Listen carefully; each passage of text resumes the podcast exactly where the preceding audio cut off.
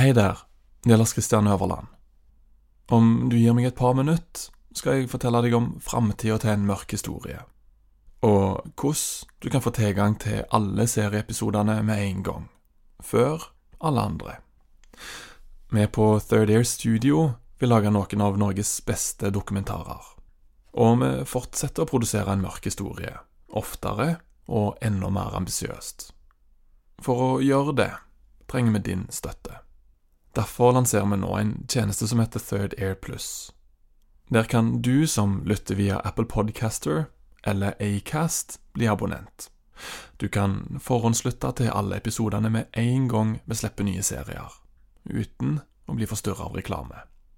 Og etter hvert ønsker vi å slippe eksklusive episoder, kun for deg som abonnerer. Og kanskje helt egne programmer. Takk for at du har lytta så langt. Om du vil støtte oss på reisen og bidra til flere og bedre dokumentarer, bli abonnent på Apple Podcaster.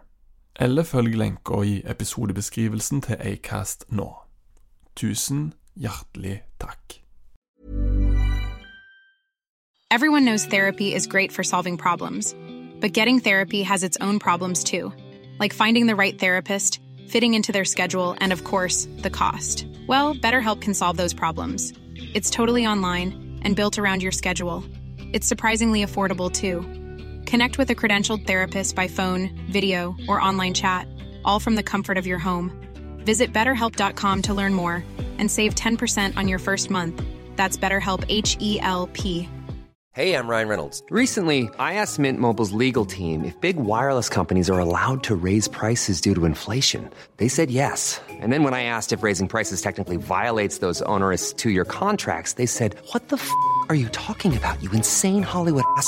So to recap, we're cutting the price of Mint Unlimited from $30 a month to just $15 a month. Give it a try at mintmobile.com slash switch. $45 upfront for three months plus taxes and fees. Promo rate for new customers for limited time. Unlimited more than 40 gigabytes per month. Slows. Full terms at mintmobile.com.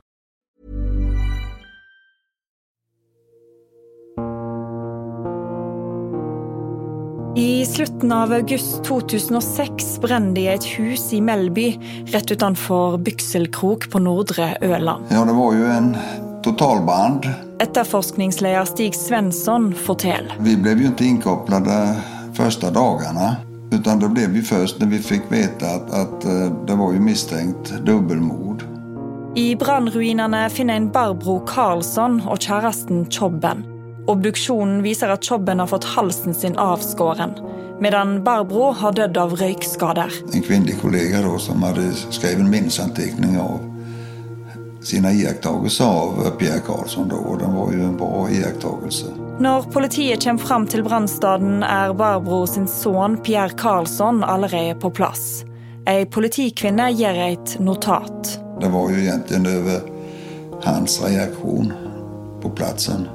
Hun skriver at Pierre virker tydelig uberørt, med tanke på at det er mora sitt hus som står i flammer. Hun skrev en känsla att hon tyckte att han eh, uppträdde på ett sätt som, gjorde, som var anmärkningsvärt i en sånn situasjon. Notatet blir en viktig del i politiets jakt på en gjerningsmann. Og drøyt to måneder etter brannen hos Barbro Karlsson blir sønnen Pierre pågripen, mistenkt for dobbeltmordet. Också en sak som, som när man läser den som gjorde att, att man fick upp ögonen och tänkte att det där är det helt rätt hon säger då, då kan det mycket, mycket väl vara så att det är den misstänkte som är det, att det är sån.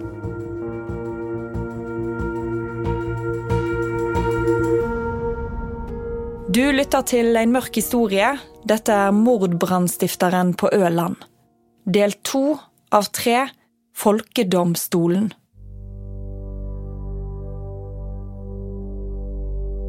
Tiden gick ju ända fram till i maj innan vi kunde ha någon begravning. Och då var det ju bara en tre, fyra kilo de hade hittat rester och däribland eh, skruvar och sånt och fan var ihopskruvad. Rundt ett år før brannen hos Barbro Karlsson, i begynnelsen av mars 2005, brenner det hos Per Olof Davidsson i Bykselkrok på Nordre Øland. Det vesle huset brenner ned til grunnen, og flere dager senere blir rester av Per Olof funnet i fyrrommet. Det var ju jättejobbigt att gå och vänta. To måneder senere er det gravferd. Søster til Per Olof, Rosmarie, forteller. Ja, det var fint. Det var jättefint. Det var i Böda kyrka. Per Olof blir begravd i Bøda kyrkje, i det nordligste soknet på Øland. I den gulmåla vesle kyrkja med rundbua vindu samles venner og bekjente fra byene på nordre Øland for å høre på presten sin gravferdstale. Och eh, prästen, han berättade precis som det var. Att han hade inte varit Guds bästa barn, Per-Olof, och han hade druckit och han hade gjort saker man inte fick göra och skulle göra, men han gjorde på sitt vis och ja, ungefär så. Framme ved kista läser Rosmarie ett dikt, ei siste helsing till lillebroren. Och sen efter det så åkte vi ut med Rickard i hans fiskebåt och tömde urnan i sjön och blommor. Och där läste Lasse Sonny Sköndig. Ja, det var, var jättefint.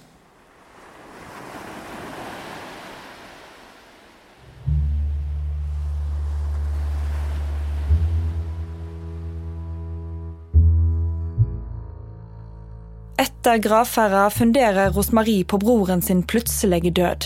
Det er noe som ikke stemmer. Ja, men alltså det var ju inte naturligt hos Per-Olof. Det, det var det ju inte.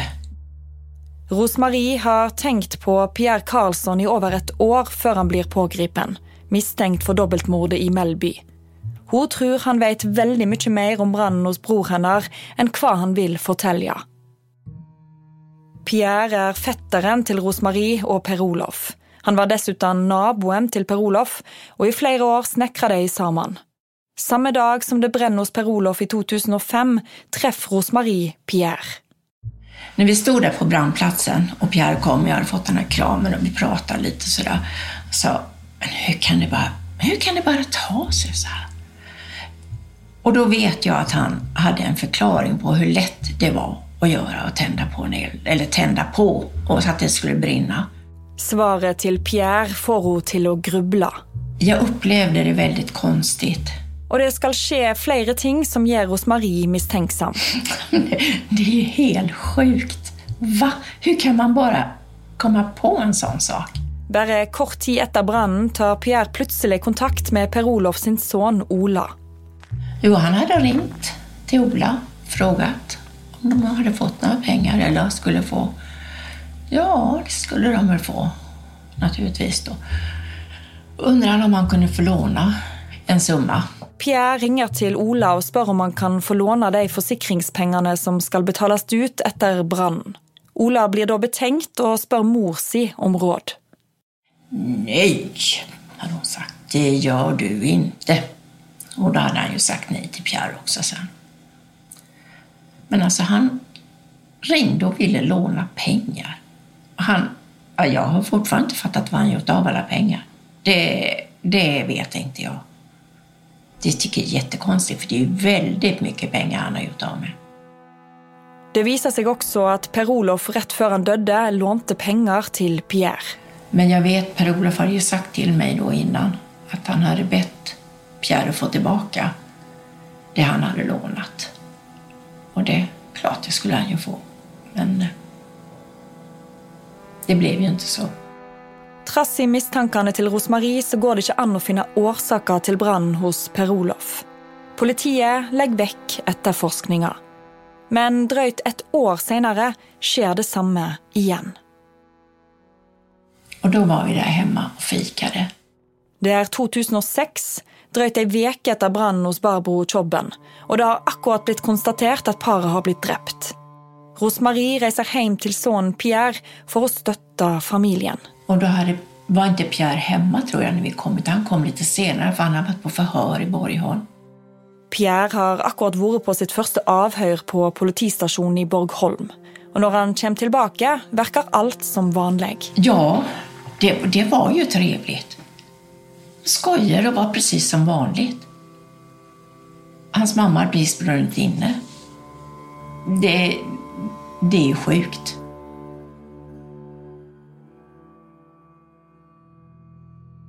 To To måneder etter det underlige besøket hjemme hos Pierre blir han arrestert for mordet på sin egen mor og kjæresten hennes.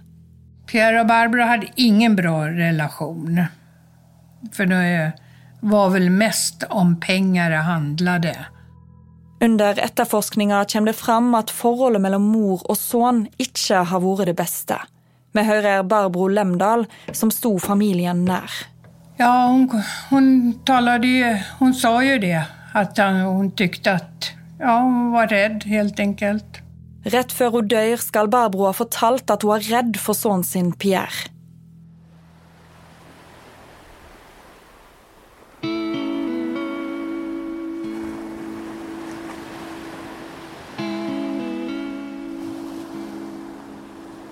Pierre Karlsson är född på Nordre Öland. Under uppväxten drev föräldrarna en bensinstation i Melby och jobbade mycket. Pierre var därför en del hos mormor si. Han var mycket där, för Barbro jobbade väldigt mycket. Så han var hos sin mormor. Men när han var hemma så fick han inte... Han vart åsidosatt och eh, undanknuffad. Från början ville hon väl inte ha barn, tror jag. Rosmarie Abrahamsson igen. Hon var nog ingen sån mamma som... Det finns ju mammor som är väldigt kramiga och omhull, ja, hönsmammor och bullmammor, typ så. Men där skulle jag nog inte vilja säga att hon passar in så mycket. Men hon var ju inte elak på något vis. Men eh, jag vet inte om hon inte hade den förmågan. Eller, jag tror inte att hon eh, la så mycket kärlek.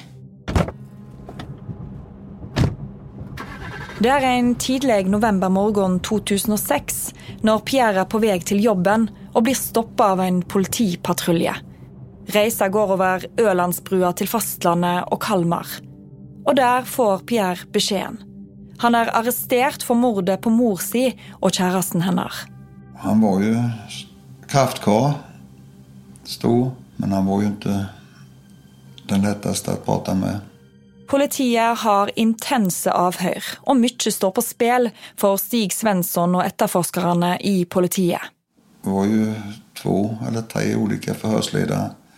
Men han, vad man fick fram förhörsvägen var ju egentligen ingenting. Pierre svarer på etterforskerne sine spørsmål. Ja, han hade ju inte gjort detta. Sen att han berättade, vi ställde frågor om allt möjligt, det svarade han ju på naturligtvis.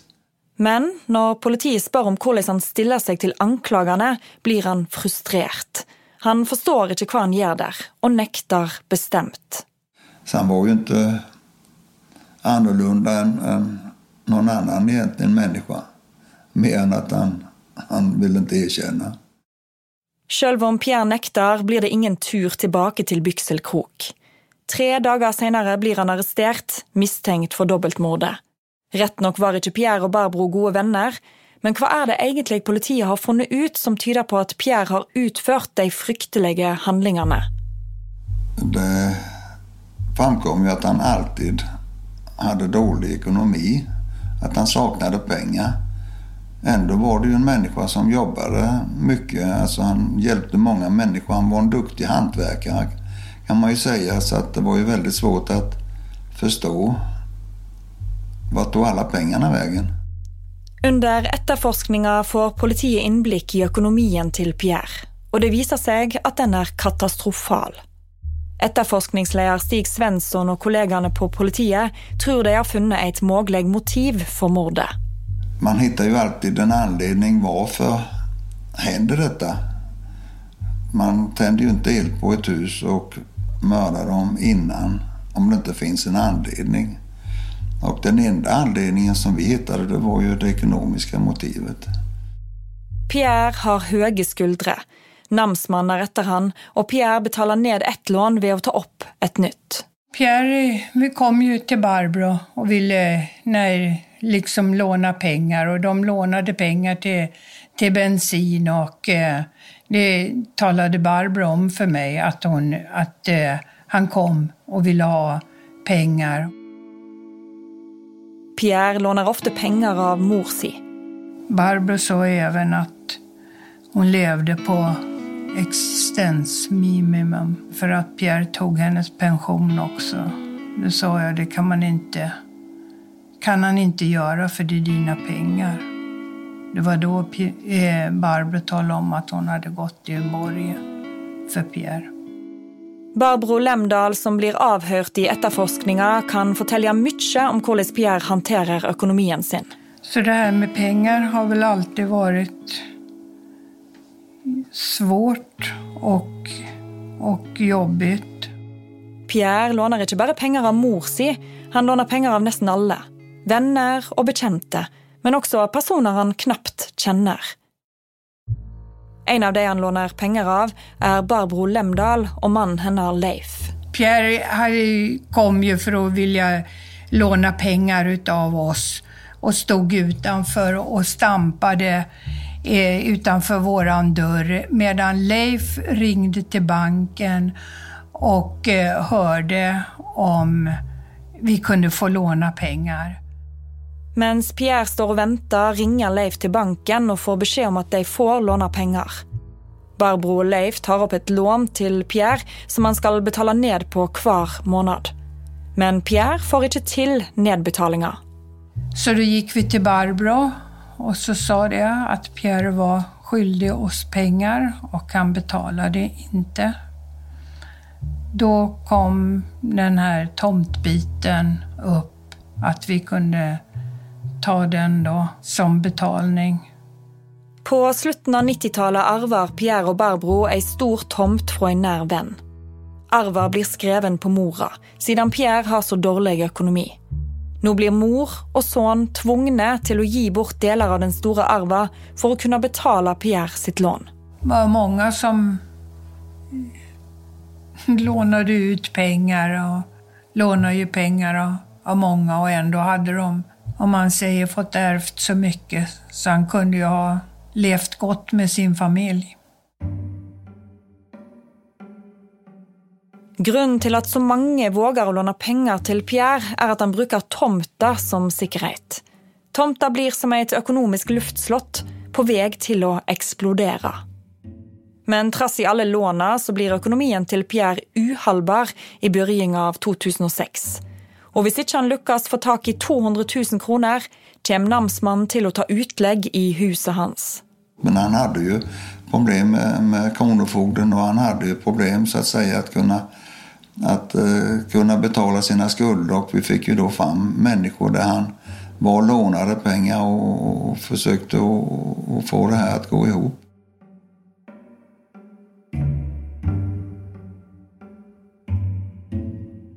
Samme året, 2006, treffer Pierre en forretningsmann som vil kjøpe den arva tomta for over 1 million kroner.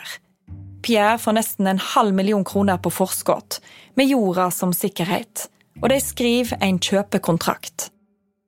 Ja, han hade ju varit och försökt att låna pengar lite överallt. Va? Och det var ju sådana saker som vi fick fram. Och det var ju någonting med sin mamma när det gällde den ekonomiska biten. Och sen var det någonting med, med köp av någon annan mark. Och det var, ja, han hade ju varit och försökt att låna pengar lite överallt. Men på bara några månader är Pierre Black igen. Pierre sin är att låna mer pengar, denna gången av banken, via att visa till köpekontrakten han skrev med förrättningsmannen. Det finns bara ett problem. Mora står som ägare.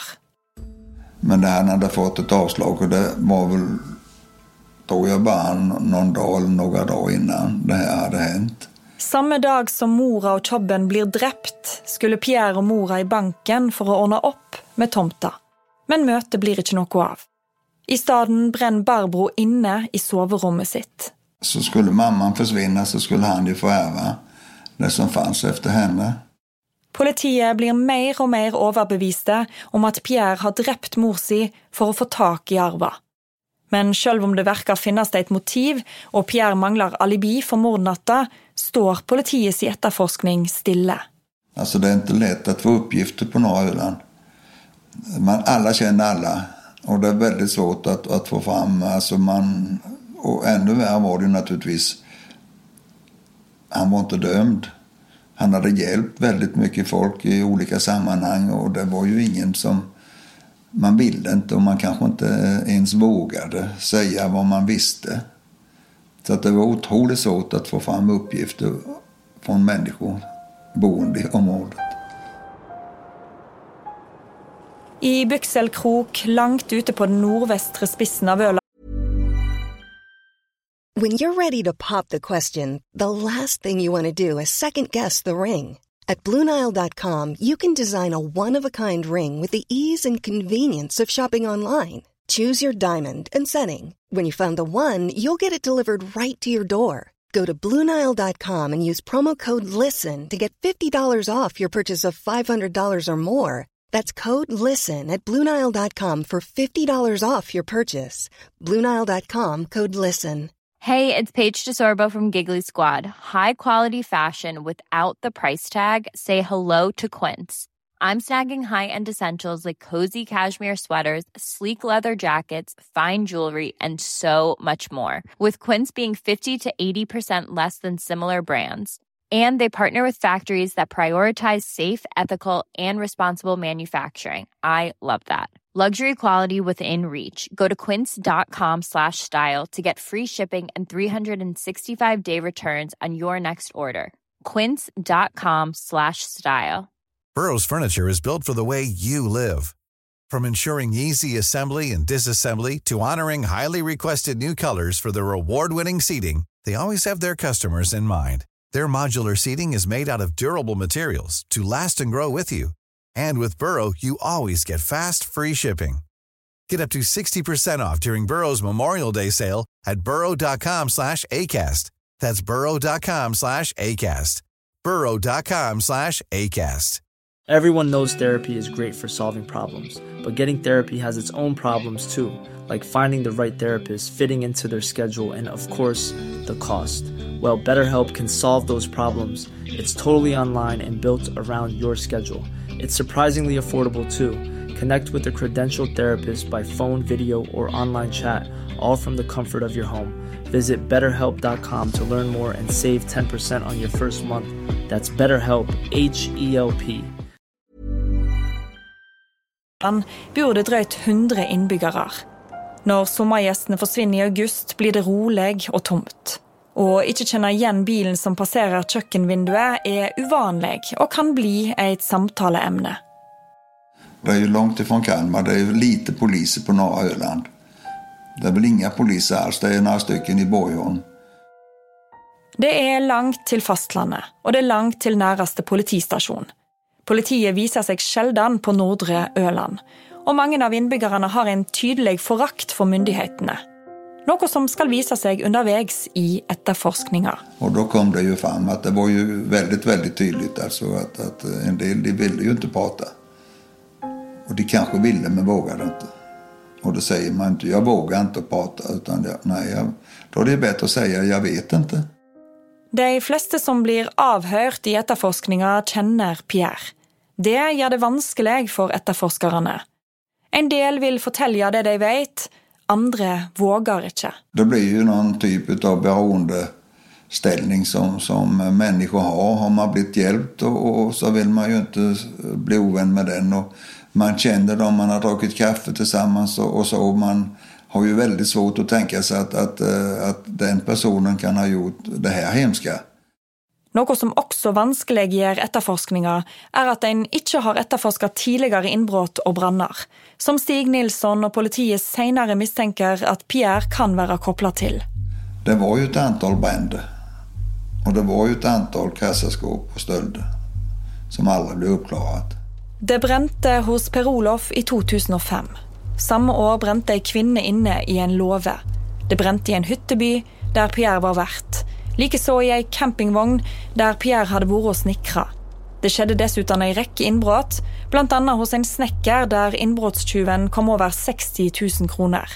Dagen før hadde Pierre vært der og bedt om et lån.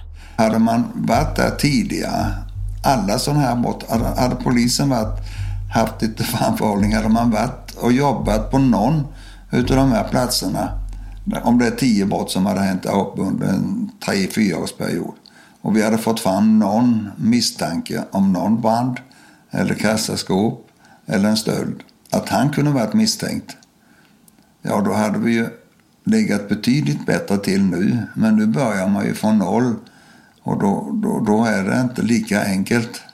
Etter brannen i 2006 tar politiet opp flere av de brannene og innbrottene som har skjedd tidligere. Men å prøve å knytte Pierre til noen av disse sakene viser seg å være nyttesløst. Når det gjelder dobbeltmordet på Barbro og Tjobben er bevisene mot Pierre svake. Selv om politiet synes å ha funnet et tydelig motiv, og selv om Pierre ikke har alibi for mordnatta, så mangler all form for tekniske bevis.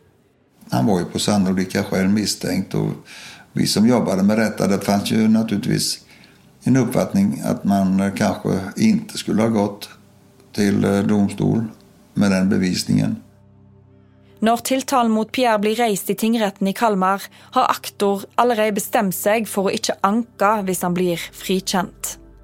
Det var otäckt att se Pierre sitta där. Rosmarie, søster til Per Olof som brente inne i 2005, er kalla inn som vitne. Han tittade ju inte på mig. Hun tror Pierre har drept Barbro og Chobben. Jag tror ju att han har gjort det också, det, det tror jag. Men bevisen var borta. Han är ju...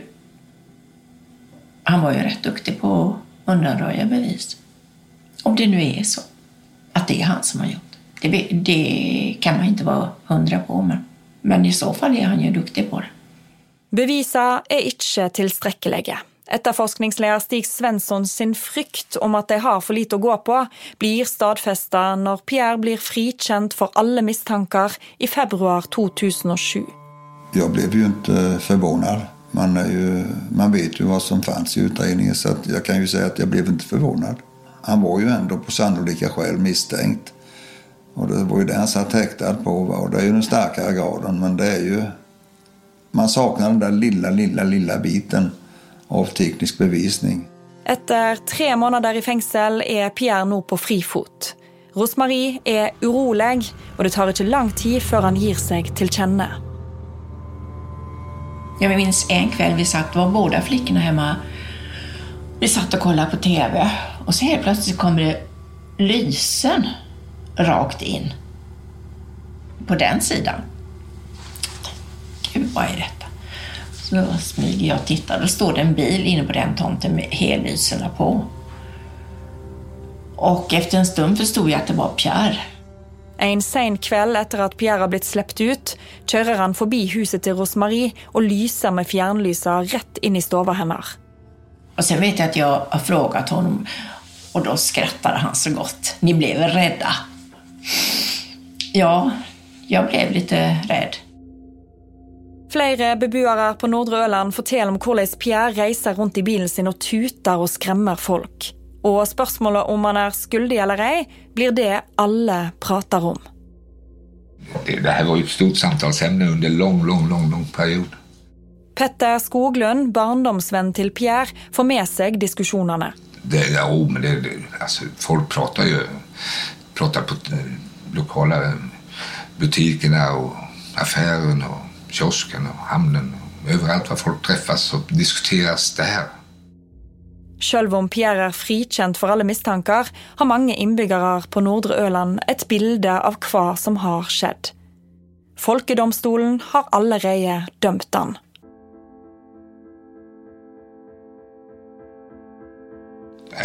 Jag träffade en person. Det var, eh, jag nämner inga namn, men, men, men, men, men det var en kvinna. Och hon berättade eh, med sån säkerhet att att eh, han var skyldig. Och att han hade gjort detta. Eh, hon berättade med sån inlevelse att det var bara, det, det fanns inte, det var ingenting. Och då frågade jag henne, jag menar, det du berättar nu, det, det, det, det kan ju bara bevisa en sak, det är ju att du var med. För hur kan du veta det här? Men det, det lyssnade hon inte på. Utan hon bara fortsatt. Hon var bara, det var bara så. Och så var många människor. Alla pratade ju om det. Och en del berättade ju rövarhistorier nästan. Ja, men det, var ju att, han, att det var han. Rosmarie er en av de som tror at Pierre er skyldig. Det, det var för mycket tyckte jag som inte riktigt stämde. När jag fick höra om pengar och det då, då var jag ju säker på att det här måste vara Pierre. Det finns ju ingen annan som gör något sånt där. De hade ju mördat eller dödat eh, Tjobben först då. Och sen låst in henne en trappa upp.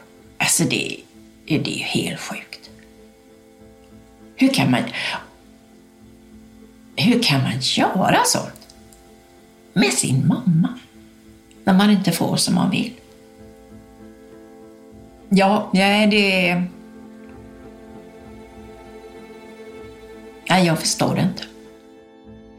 Men det finns också de som tror att Pierre är oskuldig. Spørsmålet om hvem som har utført dobbeltmordet, deler bygda i to. De som tror at Pierre er skyldig, og de som ikke kan tro at den snille snekkeren er en drapsmann. Og Petter tar alltid bestevennen sitt parti.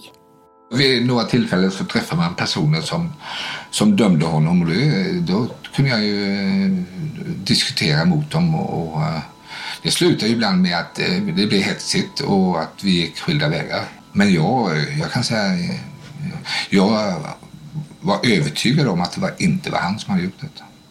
Jag blev ännu mer säker på egentligen att han var oskyldig när åklagaren bestämde sig för att inte överklaga den friande domen i tingsrätten. Det att Pierre går fri, innebär för många att en dubbeltmordare går lös. Och redselen sprer sig i byn. Redselen för att bli nästa offer. På norra Öland låser de ju dörren och det gjorde ju jag med. Faktiskt. Jag har inte gjort det på dagarna innan men det gjorde jag. Och när jag var ute och gick och märkte den bilen så ja, kunde jag så gick jag en annan väg. Jag, jag såg honom ju ja, nästan dagligen ett tag. Och jag, jag tyckte att det var obehagligt. Mycket obehagligt. Några är så rädda att de söv med vapnen under sängen. Jag vill inte utpeka någon människa, men jag tror att det var, fanns rätt många som eh, hade sina vapen lättillgängliga. Selv om Petter er bombesikker på at det ikke er Pierre som har utført dobbeltmordet, merker han redselen blant innbyggerne i byen. Ja, mot mig så betedde han sig egentligen inte på något konstigt sätt. Men eh, många människor runt i bygden här, som du var inne på innan lite, det här med bussar runt omkring. Att, eh, de upplevde det som att han åkte med bilen och tittade på folk. För han hade ju läst förundersökningen, han hade ju läst vad alla hade sagt. Eh, det får de ju tillgång till. Det kommer som ett chock för många när Pierre blir släppt fri. Under tida han sitter inne, har han läst efterforskningspapperen och sett vad vänner och naboer har sagt om han. Den närmaste naboen hans, Barbro Lemdal, är en av dem. Ja, det var en känsla som man inte trodde fanns, för det var konstigt. Det var väl ingen som hade trott att han skulle bli frikänd. Och när det kom upp, det var som luften gick ur en. Ja, det var fruktansvärt.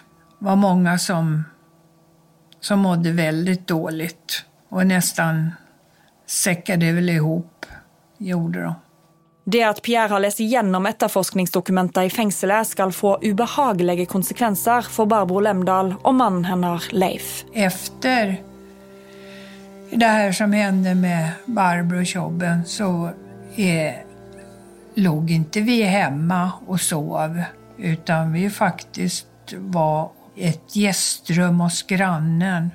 Barbro og mannen hennes har vært svært delaktig i politiets etterforskning etter brannen i 2006. Dit smög vi på kvällarna och sen så gick vi hem på morgnarna igen. For vi ville vara hemma när det var ljust. Men när mörkret kom, da var det obehagligt att sova i huset, så vi låg där. Paret var blant de som våga prate åpent om mistankene sine mot Pierre. Bland annat om den dårlige økonomien hans, om hvor merkelig han oppførte seg etter brannen, og at mora hans skal ha vært redd for han. Vi fick ju höra mycket om vad som folk trodde, men de berättade aldrig själva för polisen vad de trodde, för det vågade de inte. För de var rädda helt enkelt. Men att Pierre skulle få tillgång till allt de hade sagt, det hade de inte räknat med. Och efter att Pierre har blivit släppt fri, kräver han ett möte. Pierre har med sig en familjeadvokat. Sedan Pierre fremdeles skulle Barbro och Leif pengar, är tanken att de ska få till ett oppgjør. Men Pierre kommer där med efterforskningspapperen och krever uppresning. Pierre han tog upp att det var Leif som var, eh, hade satt dit honom.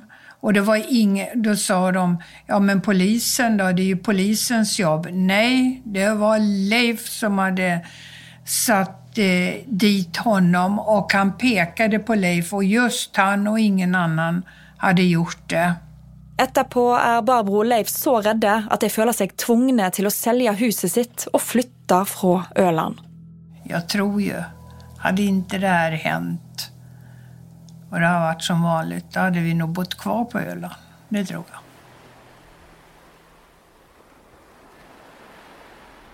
Pierre er tilbake på Nordre Øland, og han bor fremdeles i huset sitt rett utenfor Byksel krok. Och några stycken bytte, vad heter det, varurad i affären när jag kom. I begynnelsen merker Pierre at innbyggerne er redde for han. Når han er i matbutikken, ser han at de bytter kø. Vi hører han sjøl fortelle om tida etter han ble frikjent. Men alltså de visste att de hade talat, de har ljugit på mig. De skämdes. De bytte rad istället. Men Pierre skjems ikke. Han har ingenting å skjule. Det var, jag gick inte undan för någon. Det här var en fredagkväll, jag blev frikänd. Lördagen var jag hemma, söndagen åkte jag till affären bland allt folk och gick in. Etter hvert begynner redselen for Pierre å dempe seg. Selv om mange fremdeles tror han er skyldig. Og han begynner få snekkeroppdrag igjen. Många sa att du inte skulle få några jobb sen, men det var ingen skillnad och det var precis lika mycket fortfarande. Pierre får bl.a. jobb hjemme hos Gustav Noranger. Gustav er storebror til Pierre sin bestevenn Petter. Brødrene Petter og Gustav har hele tida forsvart Pierre. At han nå er frikjent, beviser at de har hatt rett hele tida. Pierre är oskyldig och nu kan de börja umgås som vanligt igen. Men Petter syns Pierre verkar vara helt likgiltig över allt som har skett de sista månaderna. Han satt ju nästan i hundra dagar i häkte. Och om jag hade blivit anklagad för ett begått ett sånt mord på två personer och jag vet och jag ser och jag märker att nästan hela befolkningen runt omkring mig tror att det är jag. Då hade jag ju varit på poliser och allihopa att nu får ni fan se till, att leta reda på det här för jag orkar inte med det här. Men det gjorde ju aldrig han pratade ju aldrig om detta. Han sa aldrig ett ljud. Petter og Pierre prater ikke mye om tida som har vært. Jag tror aldrig att han sökte ett svar. Vid något tillfälle kunde han säga att idag morsan, skulle morsan, morsan fyllt år. Det var väl det närmaste han kom. Men vi pratade aldrig om att så. Nej. Mange av innbyggerne på Nordre Øland går bare og venter på at det skal brenne igjen, nå når Pierre er fri. Men åra går, og på sett og vis begynner saker og ting falle tilbake til hverdagen. Och, och det här mattades ju av då. Det skjer ingen flere mystiske branner. Pierre jobber på som snekker, og i den lokale matbutikken prater en ikke lenger om tida da brannene herja. Från att ha varit ett dagligt tal så kanske det spred ut sig till en gång i veckan och en gång i månaden. Och sen så rann ju det här ut. Och jag menar, sen, ja, det tog ju sex år till nästa då. Och då tändes ju igen då. Men på Lucianatta 2012 brann det igen. Denne gangen hos Petter sin bror Gustav.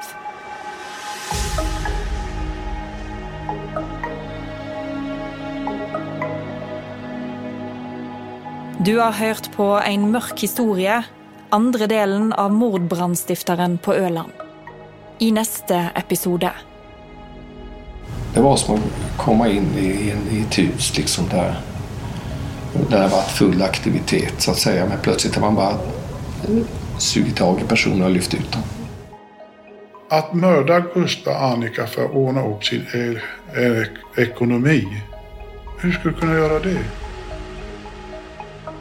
Mordbrannstifteren på Øland er en dokumentar av Morten Trofast. Omsett og fortalt av meg, Marte Rommetveit, ved Munch Studios. Produsenter var Joel Silberstein Hont og Carl-Frid Sjø. En mørk historie blir laga av produksjonsselskapet Just Stories.